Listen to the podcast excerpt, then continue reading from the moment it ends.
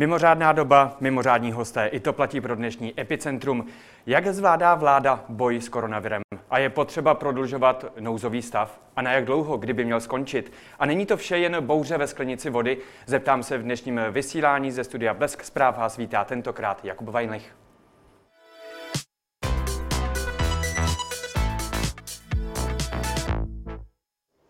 No a dnešním exkluzivním hostem, i když na dálku ze svého institutu v Praze 6, je bývalý český prezident a také někdejší premiér a ministr financí Václav Klaus. Hezké odpoledne, pane prezidente. Dobrý den, dobrý den. Odpoledne je krásné, opravdu. Věřím, snad bude ještě eh, lepší, až eh, budete mít po tomto rozhovoru. Já vidím jen, že nemáte roušku, tak jak Ale... vláda nařizuje. Mám jí tady, já myslím, že vláda nenařizuje, abych v roušce spal nebo jet nebo se sprchoval. Já jsem tady, já jsem tady sám v tomto sálku opuštěného institutu Václava Klauze, tak já nemám koho bych nakazoval. A nevím, kdo by mě chtěl nakazit. Výborně. Tak já budu eh, raději v roušce, protože nejsem tady ve studiu sám, takže i z bezpečnosti eh, své, eh, kolegů budu mít roušku. Doufám, že se uslyšíme tak, jak bude potřeba. Začnu jedním citátem z dnešního jednání poslanecké sněmovny. Čelíme největší bezpečnostní výzvě České republiky od druhé světové války. Opatření děláme proto, abychom náraz epidemie rozložili v čase a eliminovali náraz na náš zdravotnický systém. Prohlásil na plénu sněmovny šéf ústředního krizového štábu Jan Hamáček, který je také zároveň e, ministrem vnitra.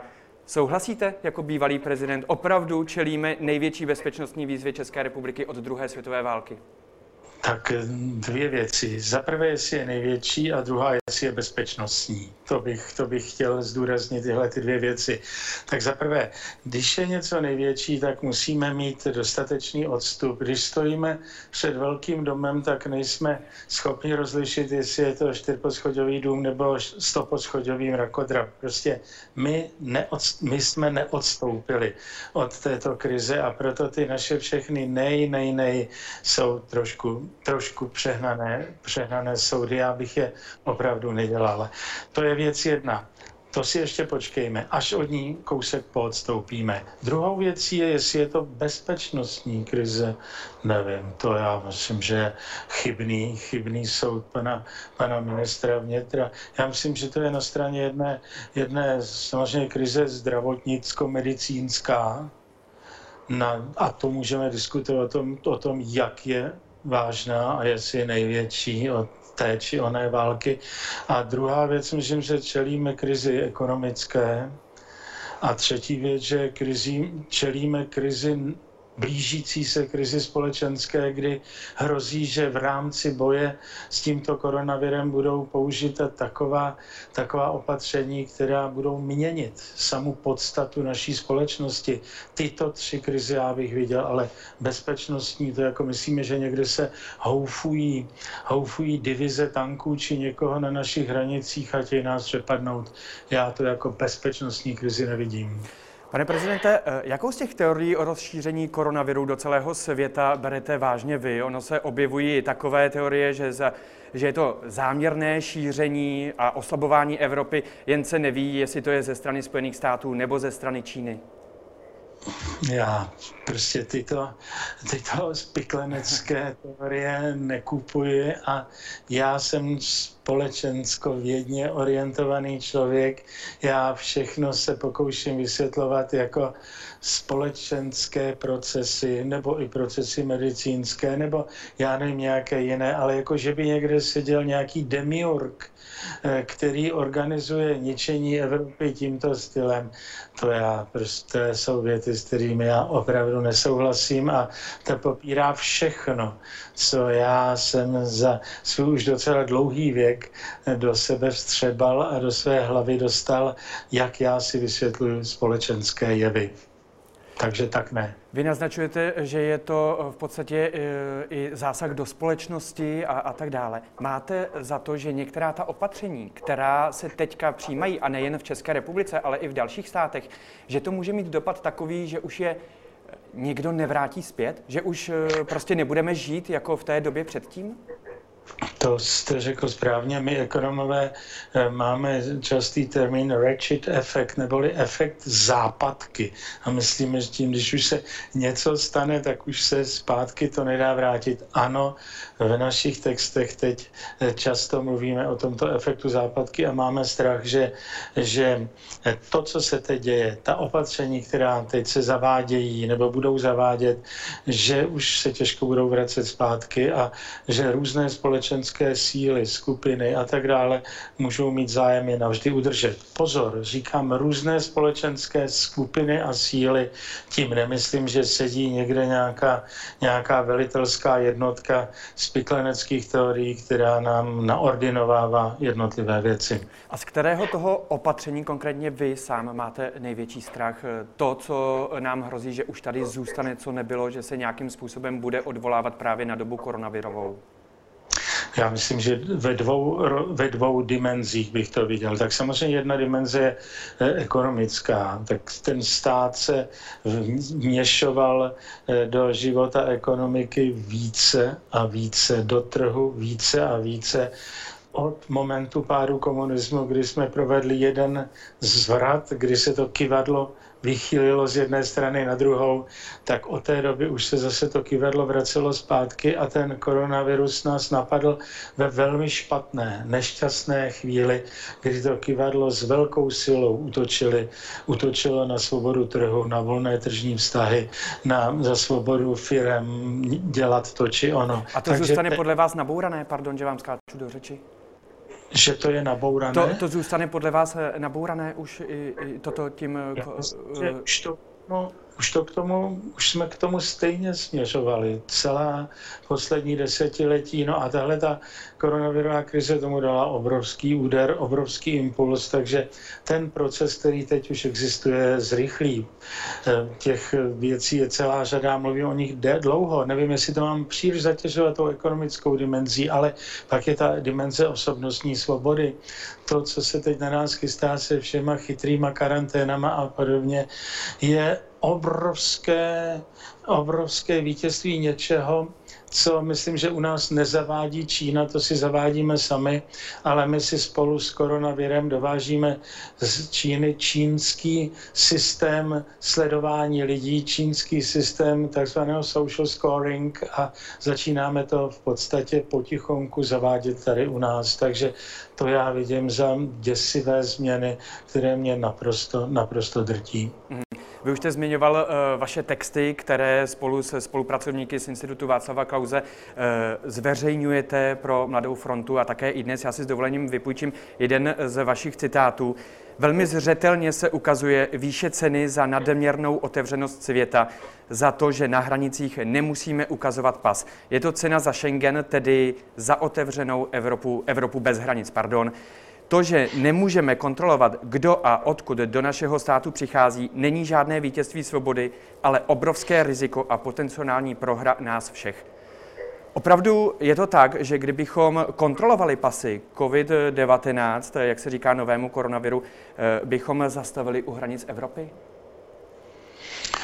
Tak jestli u hranice Evropy zastavili, to já nevím, ale aby jsme tu otázku odpověděli od začátku.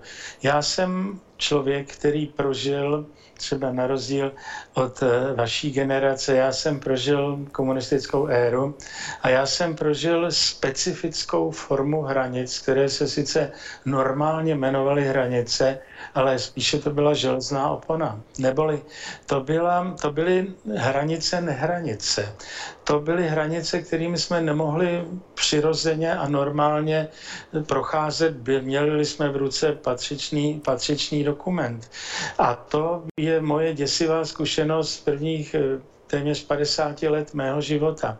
Takže já, když na západě často hovořím o ošidnostech a to, co stojí mít Schengen, co stojí mít ty v podstatě zlikvidované hranice, tak oni říkají, no ale vy přeci z toho komunismu musíte považovat eh, volné hranice za obrovskou hodnotu a sám z nich určitě těžíte. Ano, ale já jim říkám, já jsem za komunismu nežil ve světě normálních hranic. Já jsem žil za komunismu ve světě železné opony a to je něco jiného.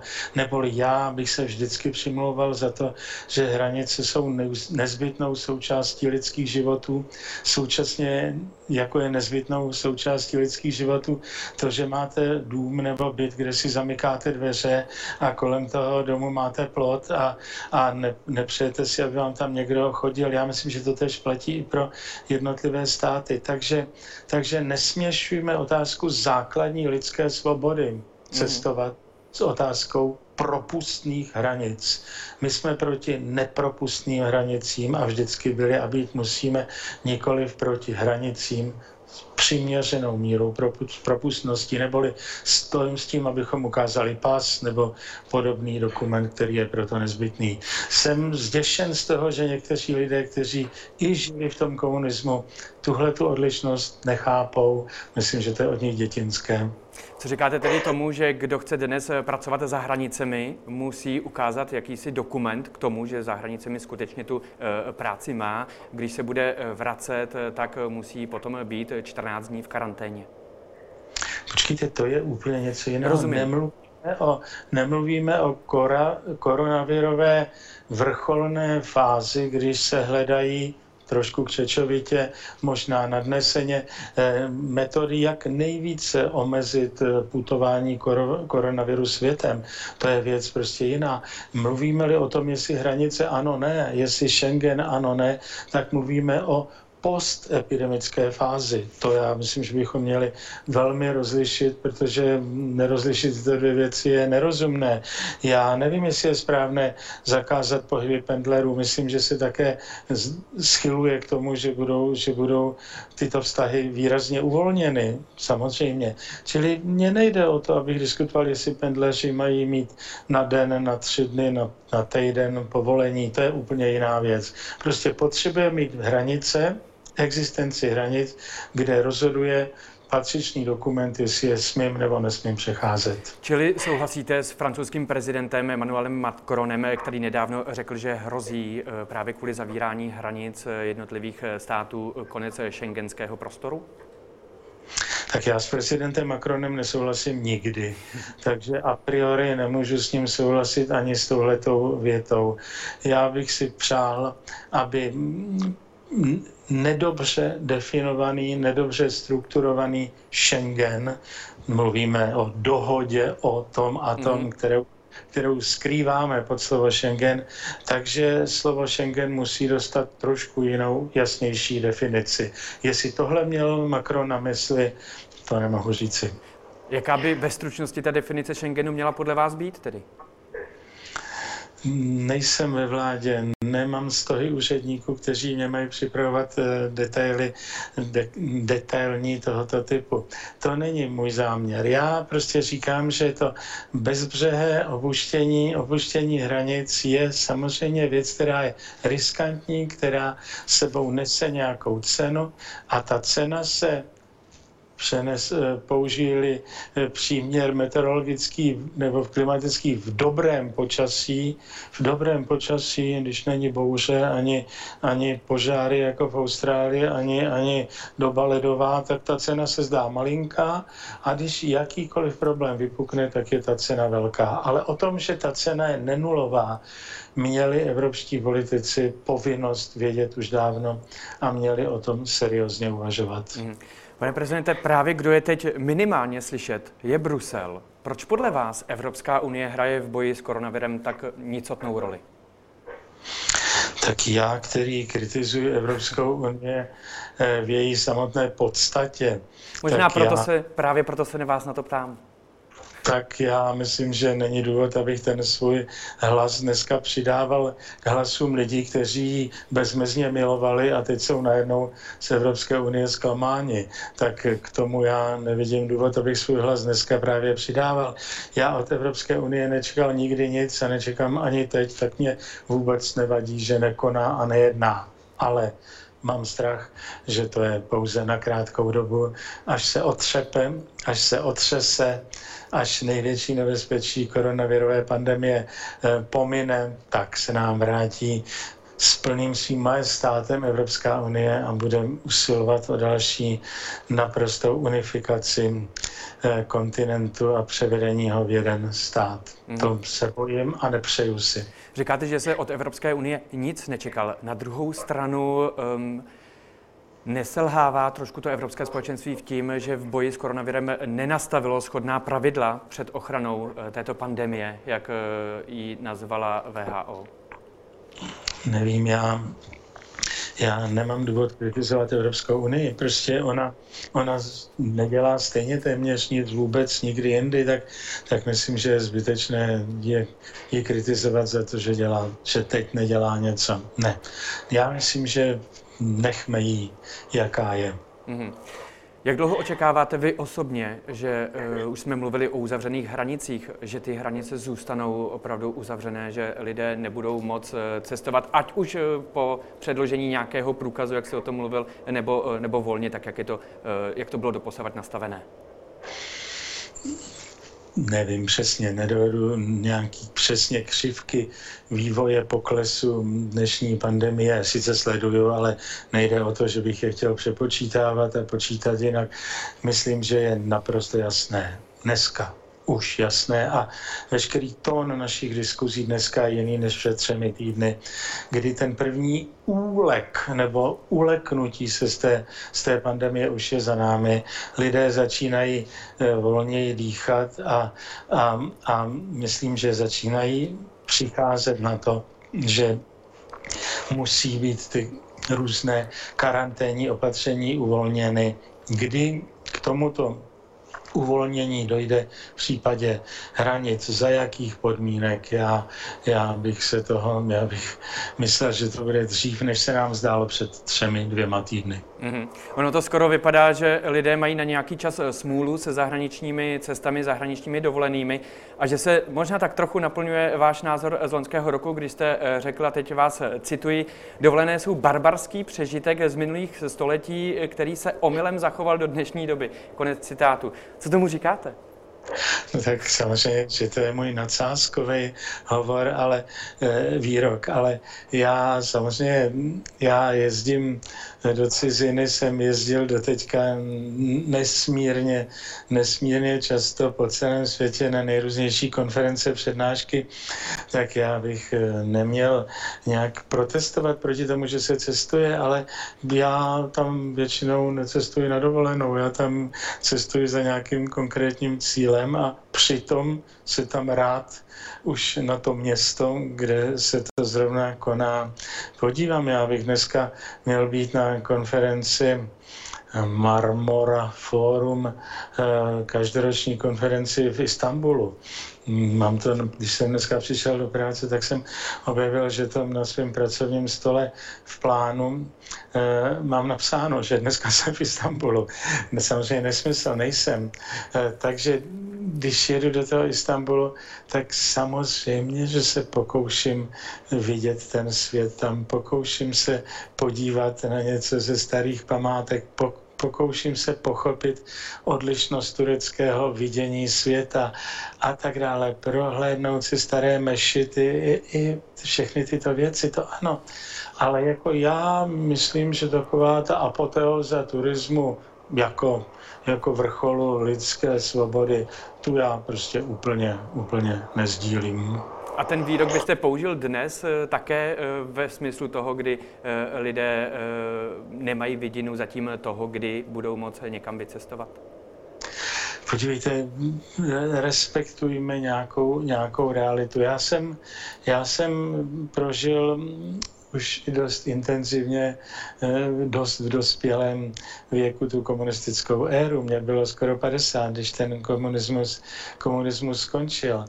A já vím, že tím, že jsem se zaplet do, do různých věcí v roce 68, takže já vím, že jsem na 20 let byl zavřen tady ne v České republice, ale v Československu tehdejším 20 let a nikam na západ jsem cestovat nemohl.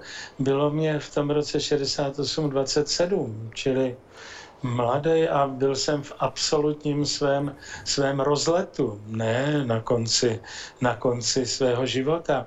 Takže jsem to samozřejmě považoval za obrovskou újmu. Nicméně já jsem přežil 20 let necestování, tím vůbec nevybízím někoho, aby dneska necestoval, nebo vůbec ne, nemyslím si, že by to trvalo takovou dobu, jenom říkám, že ten zážitek toho 20-letého cestování na západ já jsem prostě prožil velmi intenzivně a proto jsem po třech, čtyřech týdnech karantény klidnější než někteří, kteří takovou 20-letou karanténu neprožili. Když mluvíme o tom cestování, je podle vás správné opatření, které má ochránit před krachem cestovní kanceláře, tedy místo vrácení peněz za neuskutečněné zájezdy, mají kanceláře dávat lidem jakési vouchery a peníze po případě vracet nejdříve až v září příštího roku.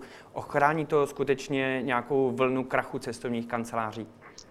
Nezlobte se, nejsem člen vlády, nemám na starosti ani uhelný průmysl, ani, ani cestovní kanceláři, ani naší ČSA, naši leteckou společnost. Nechci komentovat, jestli to má být o 20% více dříve, náhrady mají být takové nebo onaké. Mě zajímají obecnější věci. Mě zajímá to, kdy skončí jednorázový nebo jednosměrný tah na, na vládu, aby přidej nám, dej nám, ulev nám, odpust nám a tak dále, kompenzuj nám. Prostě toto je duch doby, který je nemožný, nesnesitelný, neúnosný, protože když současně se neříká, kdo všechny tyto výdaje, kompenzace, úlevy prostě zaplatí, z jakých zdrojů se to může udělat, tak je to, jak je to naprosto nerozumné a hloupé uvažování. A to říkám jako bývalý minister financí, to říkám jako bývalý, bývalý předseda vlády, toho jsem si velmi dobře vědom. My nemáme žádného plátce my se, my, my se k těm uh, ekonomickým otázkám samozřejmě dostaneme. Já právě uh, proto jsem vás i na začátku představoval jako bývalého premiéra a také jako bývalého ministra financí, ale ptám se vás právě také jako bývalého premiéra, než se dostaneme k těm ekonomickým otázkám. Uh, tam se, jestli, jsou, jestli podporujete ta opatření vlády, jestli vidíte smysluplnost toho, kdy nám vy dnes nemáte roušku, kdy nám tady vláda řekla, má, máte roušku, ano, nemáte ji nasazenou, tak, tak, tak. Eh, ptám se na ty roušky, které si lidé nakonec museli ušít sami. Eh, vychází se ven, smí se vycházet pouze ve dvou. Chybějí údajně eh, stále ještě ochranné prostředky v domovech pro seniory, v sociálních službách. Teď je tady jakási chytrá karanténa. Podporujete nebo vidíte smysluplně ta opatření vlády? Opatření vlády je množné číslo to já myslím, že, že se takhle nesnadno na toto množné číslo odpovídá. Já my jsme v našem institutu v tom 12 dílném cyklu, kterých zatím vyšlo 11 našich částí a zítra vyjde poslední 12. My jsme se nepustili do souboje s vládou. My víme, že nejsme vládou dneska. Vláda má, je dnes konkrétní a má mandát, který vznikl z demokratických voleb. Takže my jsme nechtěli poštěkávat po každém opatření vlády, které udělala nebo neudělala. Prostě to myslím, že není postoj institutu, který se zabývá koncepcí vě, veřejné politiky. Takže mě, já nechci tohle to říkat. Ale o tom, jako že... bývalá hlava státu si to určitě dovolit můžete a určitě nějaké hodnocení máte. Mám, já rozumím, že, že eh, nejdřív nazval, nastal úlek, nebo uleknutí se nejenom u nás, my v tom nejsme nějak originální v těch opatřeních, eh, nastal úlek a honem chaotický pokus, chaotický pokus všechno zastavovat a tak dále.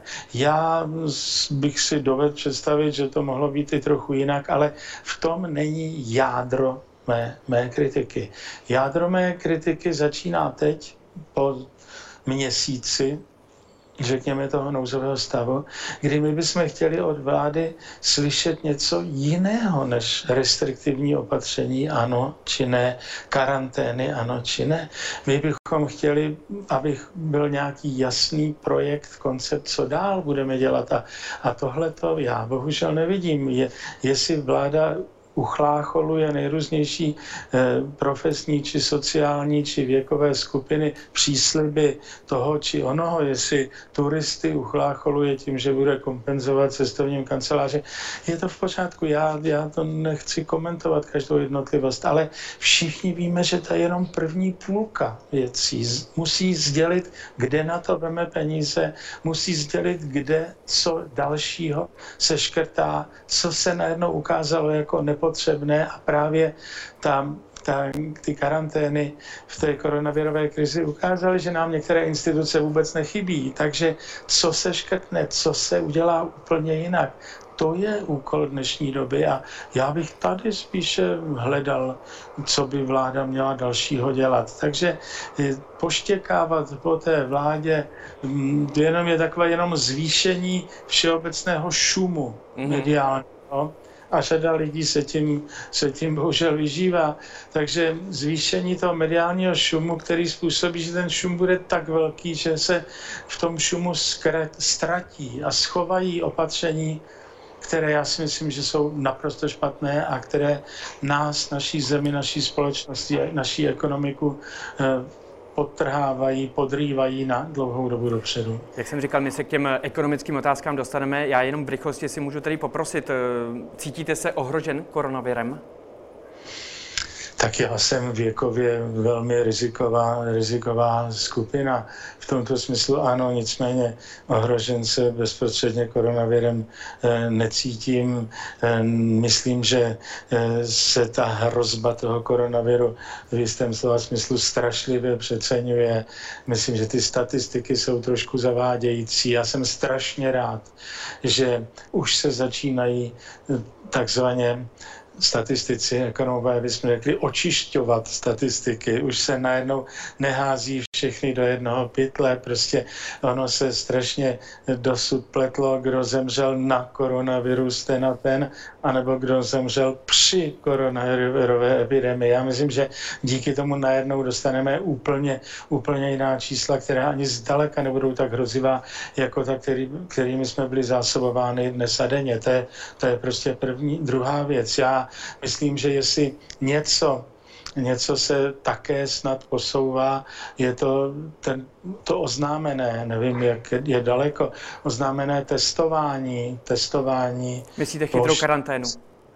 nejenom, nejenom těch takzvaně ohrožených skupin, ale celkový, celkové populace na nějakém dobrém mhm. reprezentativním vzorku. Já myslím, že to nám strašlivě strašlivě v každém případě sníží ta procenta. Já myslím, že to nás dovede k něčemu, kde, kde se dostaneme za desetinou čárku, ne před desetinou čárku. Takže tyhle ty dvě věci považuji za, za racionální, takže nepřestřelujme tu hrůzu z toho koronaviru. Eh, já jsem dneska někde čet, že eh, teď to nechci citovat přesně, kolik, kolik eh, do dnešního dne zemřelo, zemřelo u nás, u nás lidí. No a je jasné, vůbec do dnešního dne zemřelo u nás lidí. No a z toho samozřejmě na koronavirus zemřelo, zemřelo prostě 70 nebo jak se to každou, každý den posouvá. Takže nepřehánějme to, nespřestřelujme to. Vy sám jste se nechal testovat? Protože například prezident Miloš Zeman to odmítá, nevidí prý důvod, protože podle svých slov nemá žádné příznaky, podobně zatím testován eh, nebyl ani premiér Andrej Babiš, který ale nechodí ani v těchto dnech na tiskové konference. To nevím, já, já se možná asi necítím zdravotně hůř než prezident Zeman. To, já už se strašně těším, když snad od čtvrtka nám povolí hrát tenis, tak že, si, že si zvemu do ruky raketu, tak v tomto smyslu já se nějak ohrožen necítím. Nicméně eh, nedaleko někde vzniklo nějaké podezření z koronavirové nákazy, takže já jsem před asi třemi nebo kolika týdnů byl na, byl na testu v ústřední vojenské nemocnici a, a bylo prokázáno, že, že, že, že žádný problém se mnou není. Takže jestli se tam ti dva nenechali testovat, tak já jsem se nechal testovat. Ta nákaza Ale se... ne ze strachu. Ne ze strachu. Ta nákaza Své. se tedy objevila někde ve vašem okolí, někdo z vašeho týmu, ochranka nebo nejbližší spolupracovníci? Nemá cenu, abych říkal, v jakém, v jakém okolí. Mm-hmm. Co říkáte, eh, nebo respektive souhlasíte eh, s panem Primulou, náměstkem ministra zdravotnictví, který je teď odpovědný za tu chytrou karanténu, eh, že k nám proudila z Číny nepravdivá čísla o nakažených a přidám ještě jeden jeho nápad, že by bylo, nebylo špatné nechat takzvaně promořit českou společnost?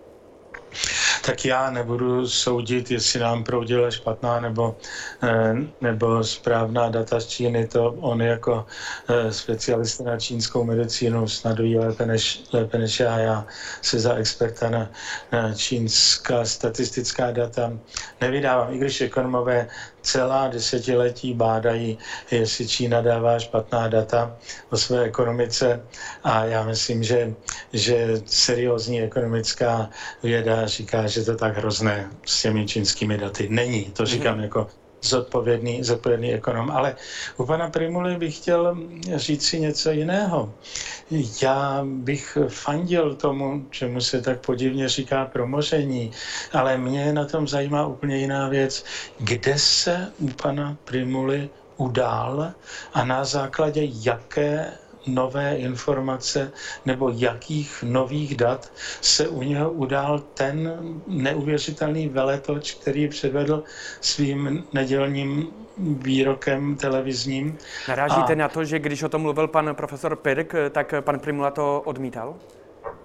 No, já neříkám konkrétně, mluvil profesor mm-hmm. ten, nebo to nechci říct. Prostě Primulův rozhovor televizní na DVTV nebo něco, nějaké ano. takové televizi, eh, tak eh, tam on překvapeně řekl něco úplně jiného, než říkal celé předchozí čtyři týdny. To je pro mě překvapivé a tento veletoč, veletoč na hrazdě by měl pan Primula lidem vysvětlit daleko zásadněji, než to, jak to vysvětlil teď. Když to nevysvětlí, tak já jsem se dohadoval s jednou svou známou včera telefonem, která říkala, no to je jasný, to je zbytečný hledat ten důvod. On dostal od někoho nějaký rozkaz nebo příkaz. A to já jsem říkal, Ježíš, to snad, to snad, to snad ne, to, to já myslím, že on k tomu dospěl na základě nějakého, nějakého rozumného vysvětlení. Ale trvám na tom, že toto rozumné vysvětlení pan profesor Primula nám, nám dluží. A když ho nevysvětlí? Tak nabízí některým lidem, aby říkali, že to je, že nám někdo velí, někdo přikazuje odkud si z Bruselu nebo já nevím odkud. Takže to bylo lepší, kdyby to vysvětlil. Ale o tom, jestli ten názor, jestli ta změna stanoviska k tomu, že asi těmi, těmi takovými karanténami ten koronavirus tohoto typu neporazíme, ten já my považuji za velmi legitimní a je docela dobře, že k němu pan Primula došel a je škoda, že, že se od něj nepoučil člověk, který převzal po něm velení toho krizového štábu, to je pan Hamáček, který bohužel eh, dlouhou vystupoval přiměřeně, ale teď hraje naprosto jednoznačně antikoaliční politiku uvnitř, uvnitř vlády a teď předvádí souboj ČSSD versus ANO a já myslím, že tudy cesta pro nás, občany této republiky, navíc ty, kteří nevolili ani ANO, ani ČSSD, tak tudy cesta pro nás určitě nevede. On ten eh, souboj koaliční je vidět také na tom, eh, když se eh, uvažuje o tom, na jak dlouho se má prodloužit ještě nouzový stav v České republice. Jan Hamáček v zádech s prezidentem Milošem Zemanem prosazují dalších 30 dní. Premiér Andrej Babiš je nakonec pro dobu kratší, byť vláda původně odhlasovala něco úplně jiného. Na jak dlouho vy si představujete, že tady můžeme mít ještě ten nouzový stav a, a rozumíte, rozumíte těm datům, o které se tady teď politici dohadují? Tak můžeme mít, kdo ví, jak dlouho se vláda přesvědčili, parlament eh, dohod, domluví, to já, to já nechci říkat. Bohužel můžeme mít nekonečně dlouho, ale nevěřím v to. Nevěřím to, já myslím, že se začíná drolit ta představa velmi silně. Narůstá dnes a denně textů o, o, o tom, že to je špatně, se to má dělat jinak, má zkrátit a tak dále. Já považuji za velmi pozoruhodný, eh, pozoruhodný apel, výzvu, kterou učinil, učinil rektor Karlovy univerzity, pan profesor Zíman, nedávný děkan eh, lékařské fakulty Univerzity Karlovy, tak on vyzývá, aby to, aby to co nejrychleji skončilo a říká, že k tomu cesta nevede. Já si to myslím dávno, ale jsem překvapený, že to říká lékař, rektor Karlovy univerzity. A podle takže... vás, pane prezidente, vláda nemá žádnou eh, strategii, tak jak eh, vyzývá k její předložení právě pan uh, rektor Karlovy univerzity, pan Zima? Tak já nevím, jestli má strategii, já jim do duší nebo do hlav. Já vládě nevidím, ale vláda řeší logicky. Já jí toto já jí nevytýkám. Vláda řeší, vláda, vláda řeší mikromanagement. Prostě e, řeší, řeší jednodenní věci, vynoří se problém a ona se zkusí ten problém problém řešit. Já vím, že jsem se s někým dostal do debaty, no to je šílený, že, že premiér řekne, že, řekne, že eh, dět, maminka si stěžuje, že děti vyrůstají z bod a že by bylo potřeba otevřít prodejny obuvy. Tak nějak mm-hmm. to probíhá. A já jsem se tak nějak usmál a řekl jsem si, no vzpomínám-li si na chaotické žití ve vládě dlouhou, dlouhou dobu, které je prostě kdy ta vláda je tlačena k jednodenním krátkým rozhodnutím, tak já jsem se usmál a řekl jsem, já si to dovedu představit, že, že kdyby mě několik matek žádalo, že děti nemají boty, tak já bych řekl, tak použil tenhle příklad a, a řekněme, tak třeba otevřme prodejny obuvy. Neboli vláda řeší tyto mikrověci a dobře, špatně, pozdě, zbytečně a tak dále, ale uniká, uniká nějaký koncepční plán. Nemá na něj čas a myslím, že na něj ani nemá osobnosti. Vy jste o těch mikroekonomických opatření psal také z jednom z textů na iDnes.cz. My se pojďme tedy teď podívat k těm ekonomickým otázkám, které mimochodem právě teď řeší také na stávající schůzi poslanecké sněmovny ve stavu legislativní nouze poslanecká sněmovna.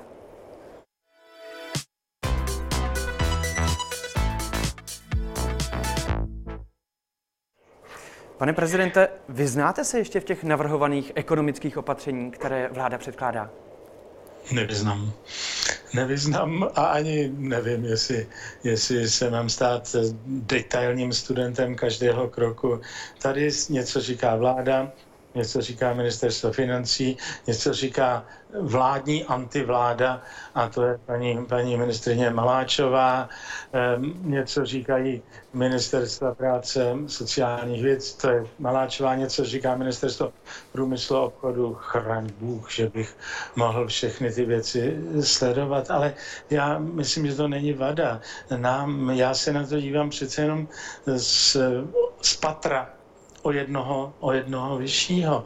Já, já za A nevidím koncepci řešení dlouhodobého a hlavně musím protestovat jako bývalý minister financí, že se vláda při té eh, rozpočtové otázce na to dívá prostě jenom v jednom směru. Více, více, více rozpočtových výdajů a neříká vůbec, nezabývá se tím, kde a co je třeba škrtnout. Ano, vy, říkáte, vy říkáte doslova, cílem musí být zaprá, zabránění rozvratu státního rozpočtu, neboť hrozí extrémní zadlužení státu. Jak ano. takovému zadlužení tedy eh, zabránit podle vás eh, jako bývalého ministra financí, ekonoma? tak ne, ne, neřešit věci v momentu leknutí se. Neřešit věci eh, podle toho, jestli tlačí ten či onen a zatelefonuje ten či onen.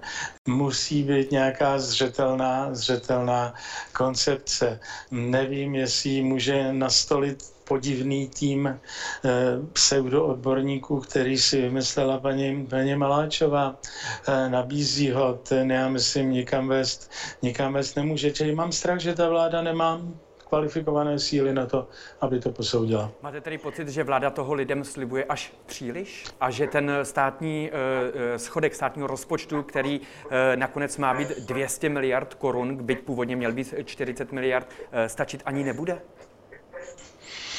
To já myslím, že ty vystřelovat dneska čísla počtu několika set miliard, co dělá celá řada lidí, já myslím, je naprostá nezodpovědnost a, a nemluvě o tom, že nikdo z vašich posluchačů, ale ani já jako bývalý ministr financí nedovedu kalkulovat v kategoriích 200, 300, 500 miliard korun. Já nikdy nezapomenu na to, že Ronald Reagan, Ronald Reagan jednou v kongresu velmi správně říkal, že lidi se vstekají na, na škrt nebo zvýšení daně o 200 milionů dolarů, což obrovské Americe je malinko, ale nevšimnou si eh, dluhu ve velikosti 500 miliard, jo, protože 500 miliard jim vůbec nic, nic neříká. Neříká vě, většině lidí u nás, tak já bych s těmihle cifry, ciframi ne, ne, nespekuloval. Vláda teď předpokládá, že dojde k poklesu HDP o 5,5 a z toho redukuje, že bude rozpočet minus, minus 200. To je jeden, jeden propočet. Takže nechme teď těch 200.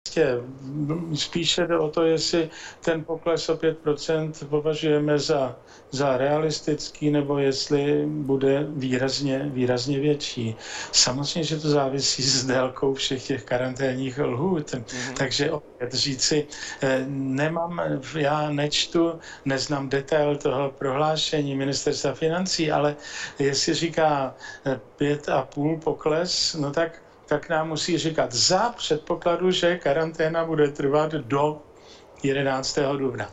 Za předpokladu, že bude trvat do 11. května, tak to přeci bude daleko více. Za předpokladu, že bude trvat do 11. června, to bude čtyřnásobně více. Takže já neumím s, těmihle, s těmihle čísly pracovat a to jako jsem cifr špion, to jsem člověk, který si s, s ekonomickými čísly strašně rád hraje. Takže o tom bych nespekuloval. Bude to určitě víc. Ale každý ekonomický like by se vás teď asi zeptal, eh, dá se to vše zvládnout bez toho, aniž by se nám v České republice nějakým způsobem zvyšovaly daně?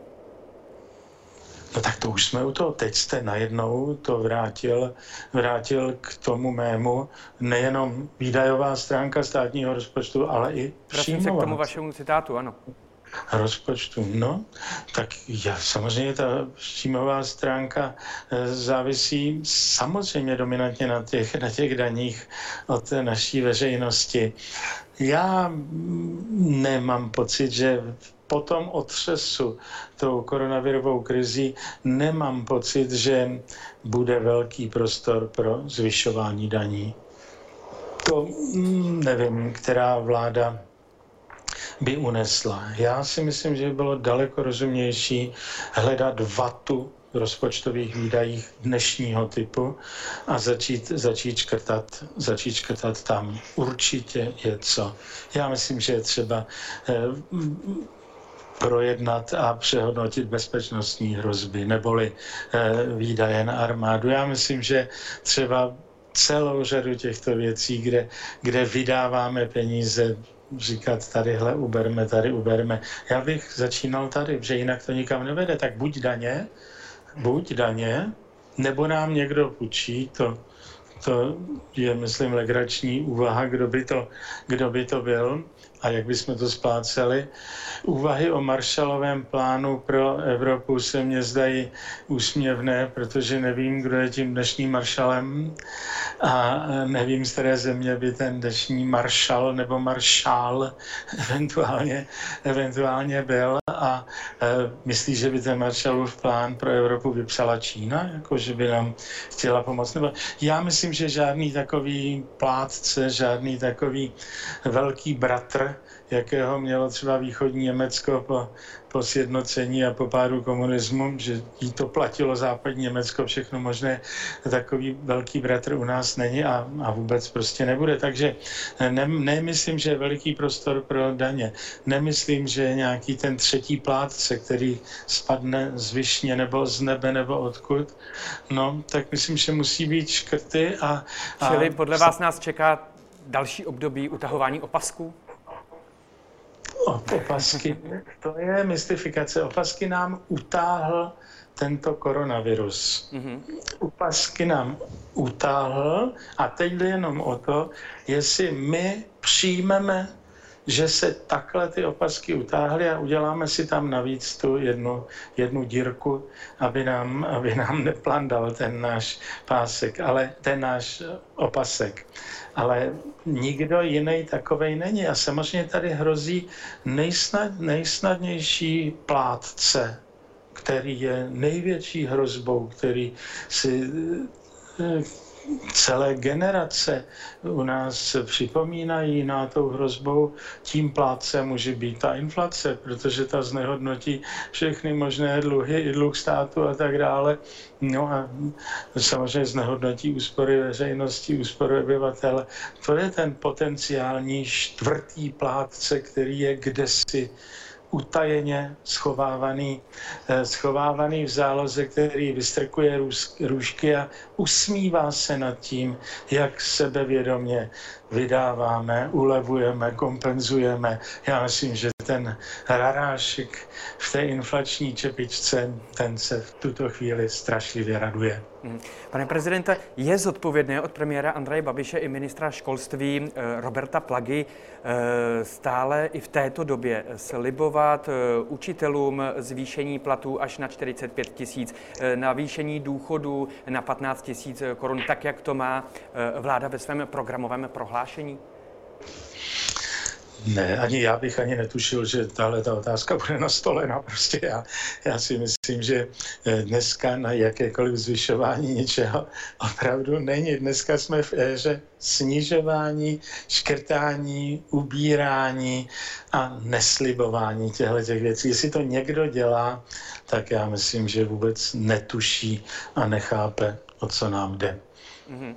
Vláda chce dát eh, peníze eh, podnikatelům, zavřeným podnikům i těm, kterým nařízení vlády znemožnilo podnikání. Eh, kdo je podle vás zodpovědnější? Vláda, která ty peníze nabízí, nebo opozice, která ještě do jednotlivých košů pro podnikatele přihazuje například místo 25 tisíc chce pro podnikatele 30 tisíc korun? Ne, tak opoziční výroky považuji v tomto smyslu za skutečně nedůstojné a vůbec se ani nechce o nich, o nich jako více, více hovořit. Tady přeci by bylo potřeba podpořit nějaký vládní plán udržení na straně jedné chodu ekonomiky, nerozvratu státních, státních financí, to je jediná, jediná cesta. Teď někomu slibovat zvyšování platů, mest, to fakt, ať radši nikdo nahlas neříká. Mm-hmm. Co říkáte eh, na tomu návrhu, který také projednává eh, poslanecká sněmovna, kdy nájemníci budou chráněni za neplacení nájemného a majitelé nemovitostí si budou moci platby, eh, si budou muset na ty platby počkat až do příštího roku. Není to tady nějakým způsobem také zásah do soukromého podnikání a nařizování? Počkejte si, i když se tím máte jako částečnou obživu? Jsme pořád se točíme kolem jedné otázky. Mm-hmm. Točíme kolem toho, jestli se něco stalo, a to se stalo.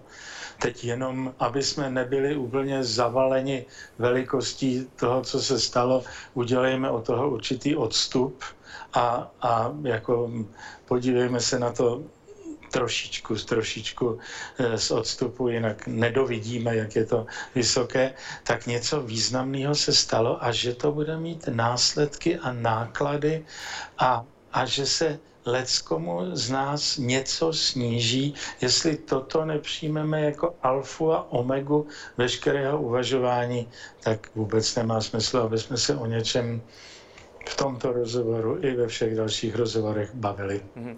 Bude e, ta krize hlubší, než byla v roce 2008?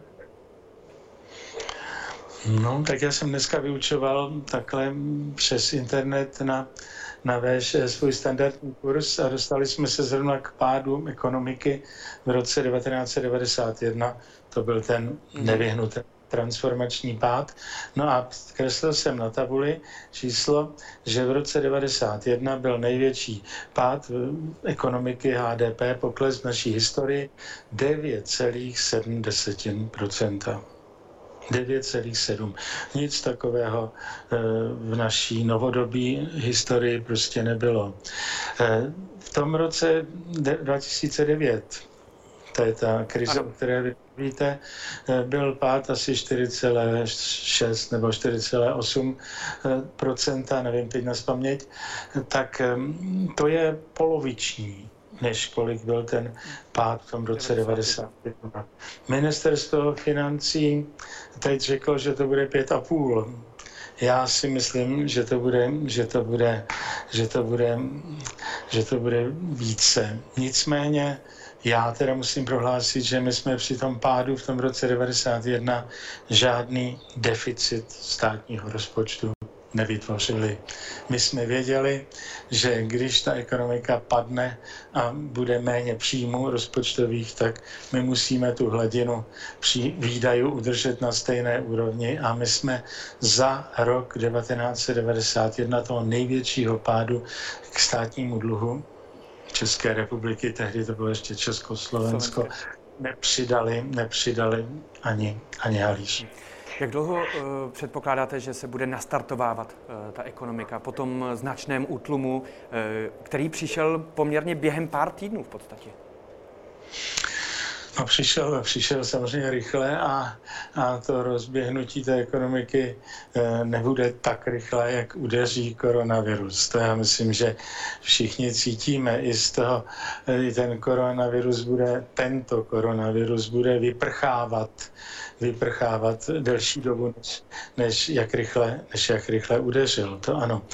Podobným způsobem to vracení se ekonomiky na tu původní trajektorii bude, bude také pomalejší než ten pád, který na ní, k ní došel. Já jsem dneska těm studentům kreslil na tabuli něco, čemu se v ekonomii říká je křivka. Já myslím, že si každý dovede představit, aniž bych to tady musel malovat, jak vypadá velké, velké je prostě, že nejdřív nastal určitý pád, v tom roce 91, no pak jsme chviličku se pohybovali eh, na tom dolním pohybu, no a pak začal ten eh, návrat zpátky. To ječko, tehdy po tom pádu komunismu mělo pří u nás aspoň přívětivý tvar. Mm-hmm. Nebylo to, jak někdy říkáme, velké U. Nebylo to, že by dlouho to zůstalo tam dole. Začalo se to rychle obracet zpátky. Mm, tenkrát to šlo ještě eh, rychle poměrně nahoru, takže já nejsem pesimistou v těchto těch věcech, ale znamená to, že stát nebude přitvrzovat, nebude omezovat biznis, nebude, nebude přidávat další a další státní opatření. A to já myslím, že bohužel hrozí. Takže já bych si strašně přál, abych už uslyšel nějaká liberalizační opatření od naší vlády. Předpokládáte, že se ta stávající ano? Pardon, předpokládáte, že se ta stávající situace nějakým způsobem odrazí v podzimních krajských volbách? Ježiš, Teď vím, je... že to je ještě daleko, ale... Pod mou rozlišovací, rozlišovací schopností nedovedu, nedovedu říci. Mm. Krajské volby nejsou takové typicky, typicky politické typicky politické volby a také vystupuje tam řada subjektů, které žádné jasné politické postoje k ničemu, ani ke koronaviru a, a k opatřením vlády ohledně daní a, a podobných věcí se vůbec nevymezuje, takže mám pocit, že krajské volby si pojedou svou standardní málo politickou agendu. Hmm. Dovolte, abych na závěr jenom trochu odlehčil. Vy už jste to uh, zmiňoval, že se těšíte, až si půjdete zahrát uh, tenis, uh, což uh, vláda teď už uh, povolila. Znamená to, že uh, Velikonoce u vás budou tenisové? Velikonoce, no, no žádný ládný liže, liže určitě, určitě nebudou, žádný vleky nejezdí a, a, a ten ski alpinismus, k tomu jsem se ještě neodhodlal a už ke svému věku myslím, že se neodhodlám. Já vím, že můj syn objevil kouzlo těch ski alpů v pod Sněžkou, to ano. Takže, takže asi to zůstane tady. Čili pojedete, budete hrát tenis. Já jsem se ptal, jestli budou tenisové, pardon, možná jsme si jenom špatně rozuměli. Najdu-li partnera, který se nebude bát koronaviru, tak, tak určitě tenisový. Výborně. A na závěr ještě jedna otázka. Vím, že jste se e, před pár dny stal, tuším, eh, že osminásobným dědečkem. Už jste e, měl možnost vidět e, vaší vnučku Amélii? Viděl jsem vnučku, ano, krásná, jak taky má malá holčička být a myslím, že rodiče jsou šťastní a maminka to dobře zvládá a můj syn, tatínek, myslím, že, že taky. Mm, výborně. Tak jo, děkuji vám moc, díky, že jste si udal čas eh, na rozhovor pro Epicentrum Studia Blesk a někdy příště na viděnou. Na viděnou a naslyšenou. Děkuji no. pěkně. Tolik eh, tedy bývalý prezident a také eh, premiér České republiky, eh, pan Václav Klaus. Já už jen připomenu, že vše podstatné se dozvíte také zítra v tištěném deníku Blesk a také brzy u nás na webu blesk.cz. Ode mě vše, hezké odpoledne.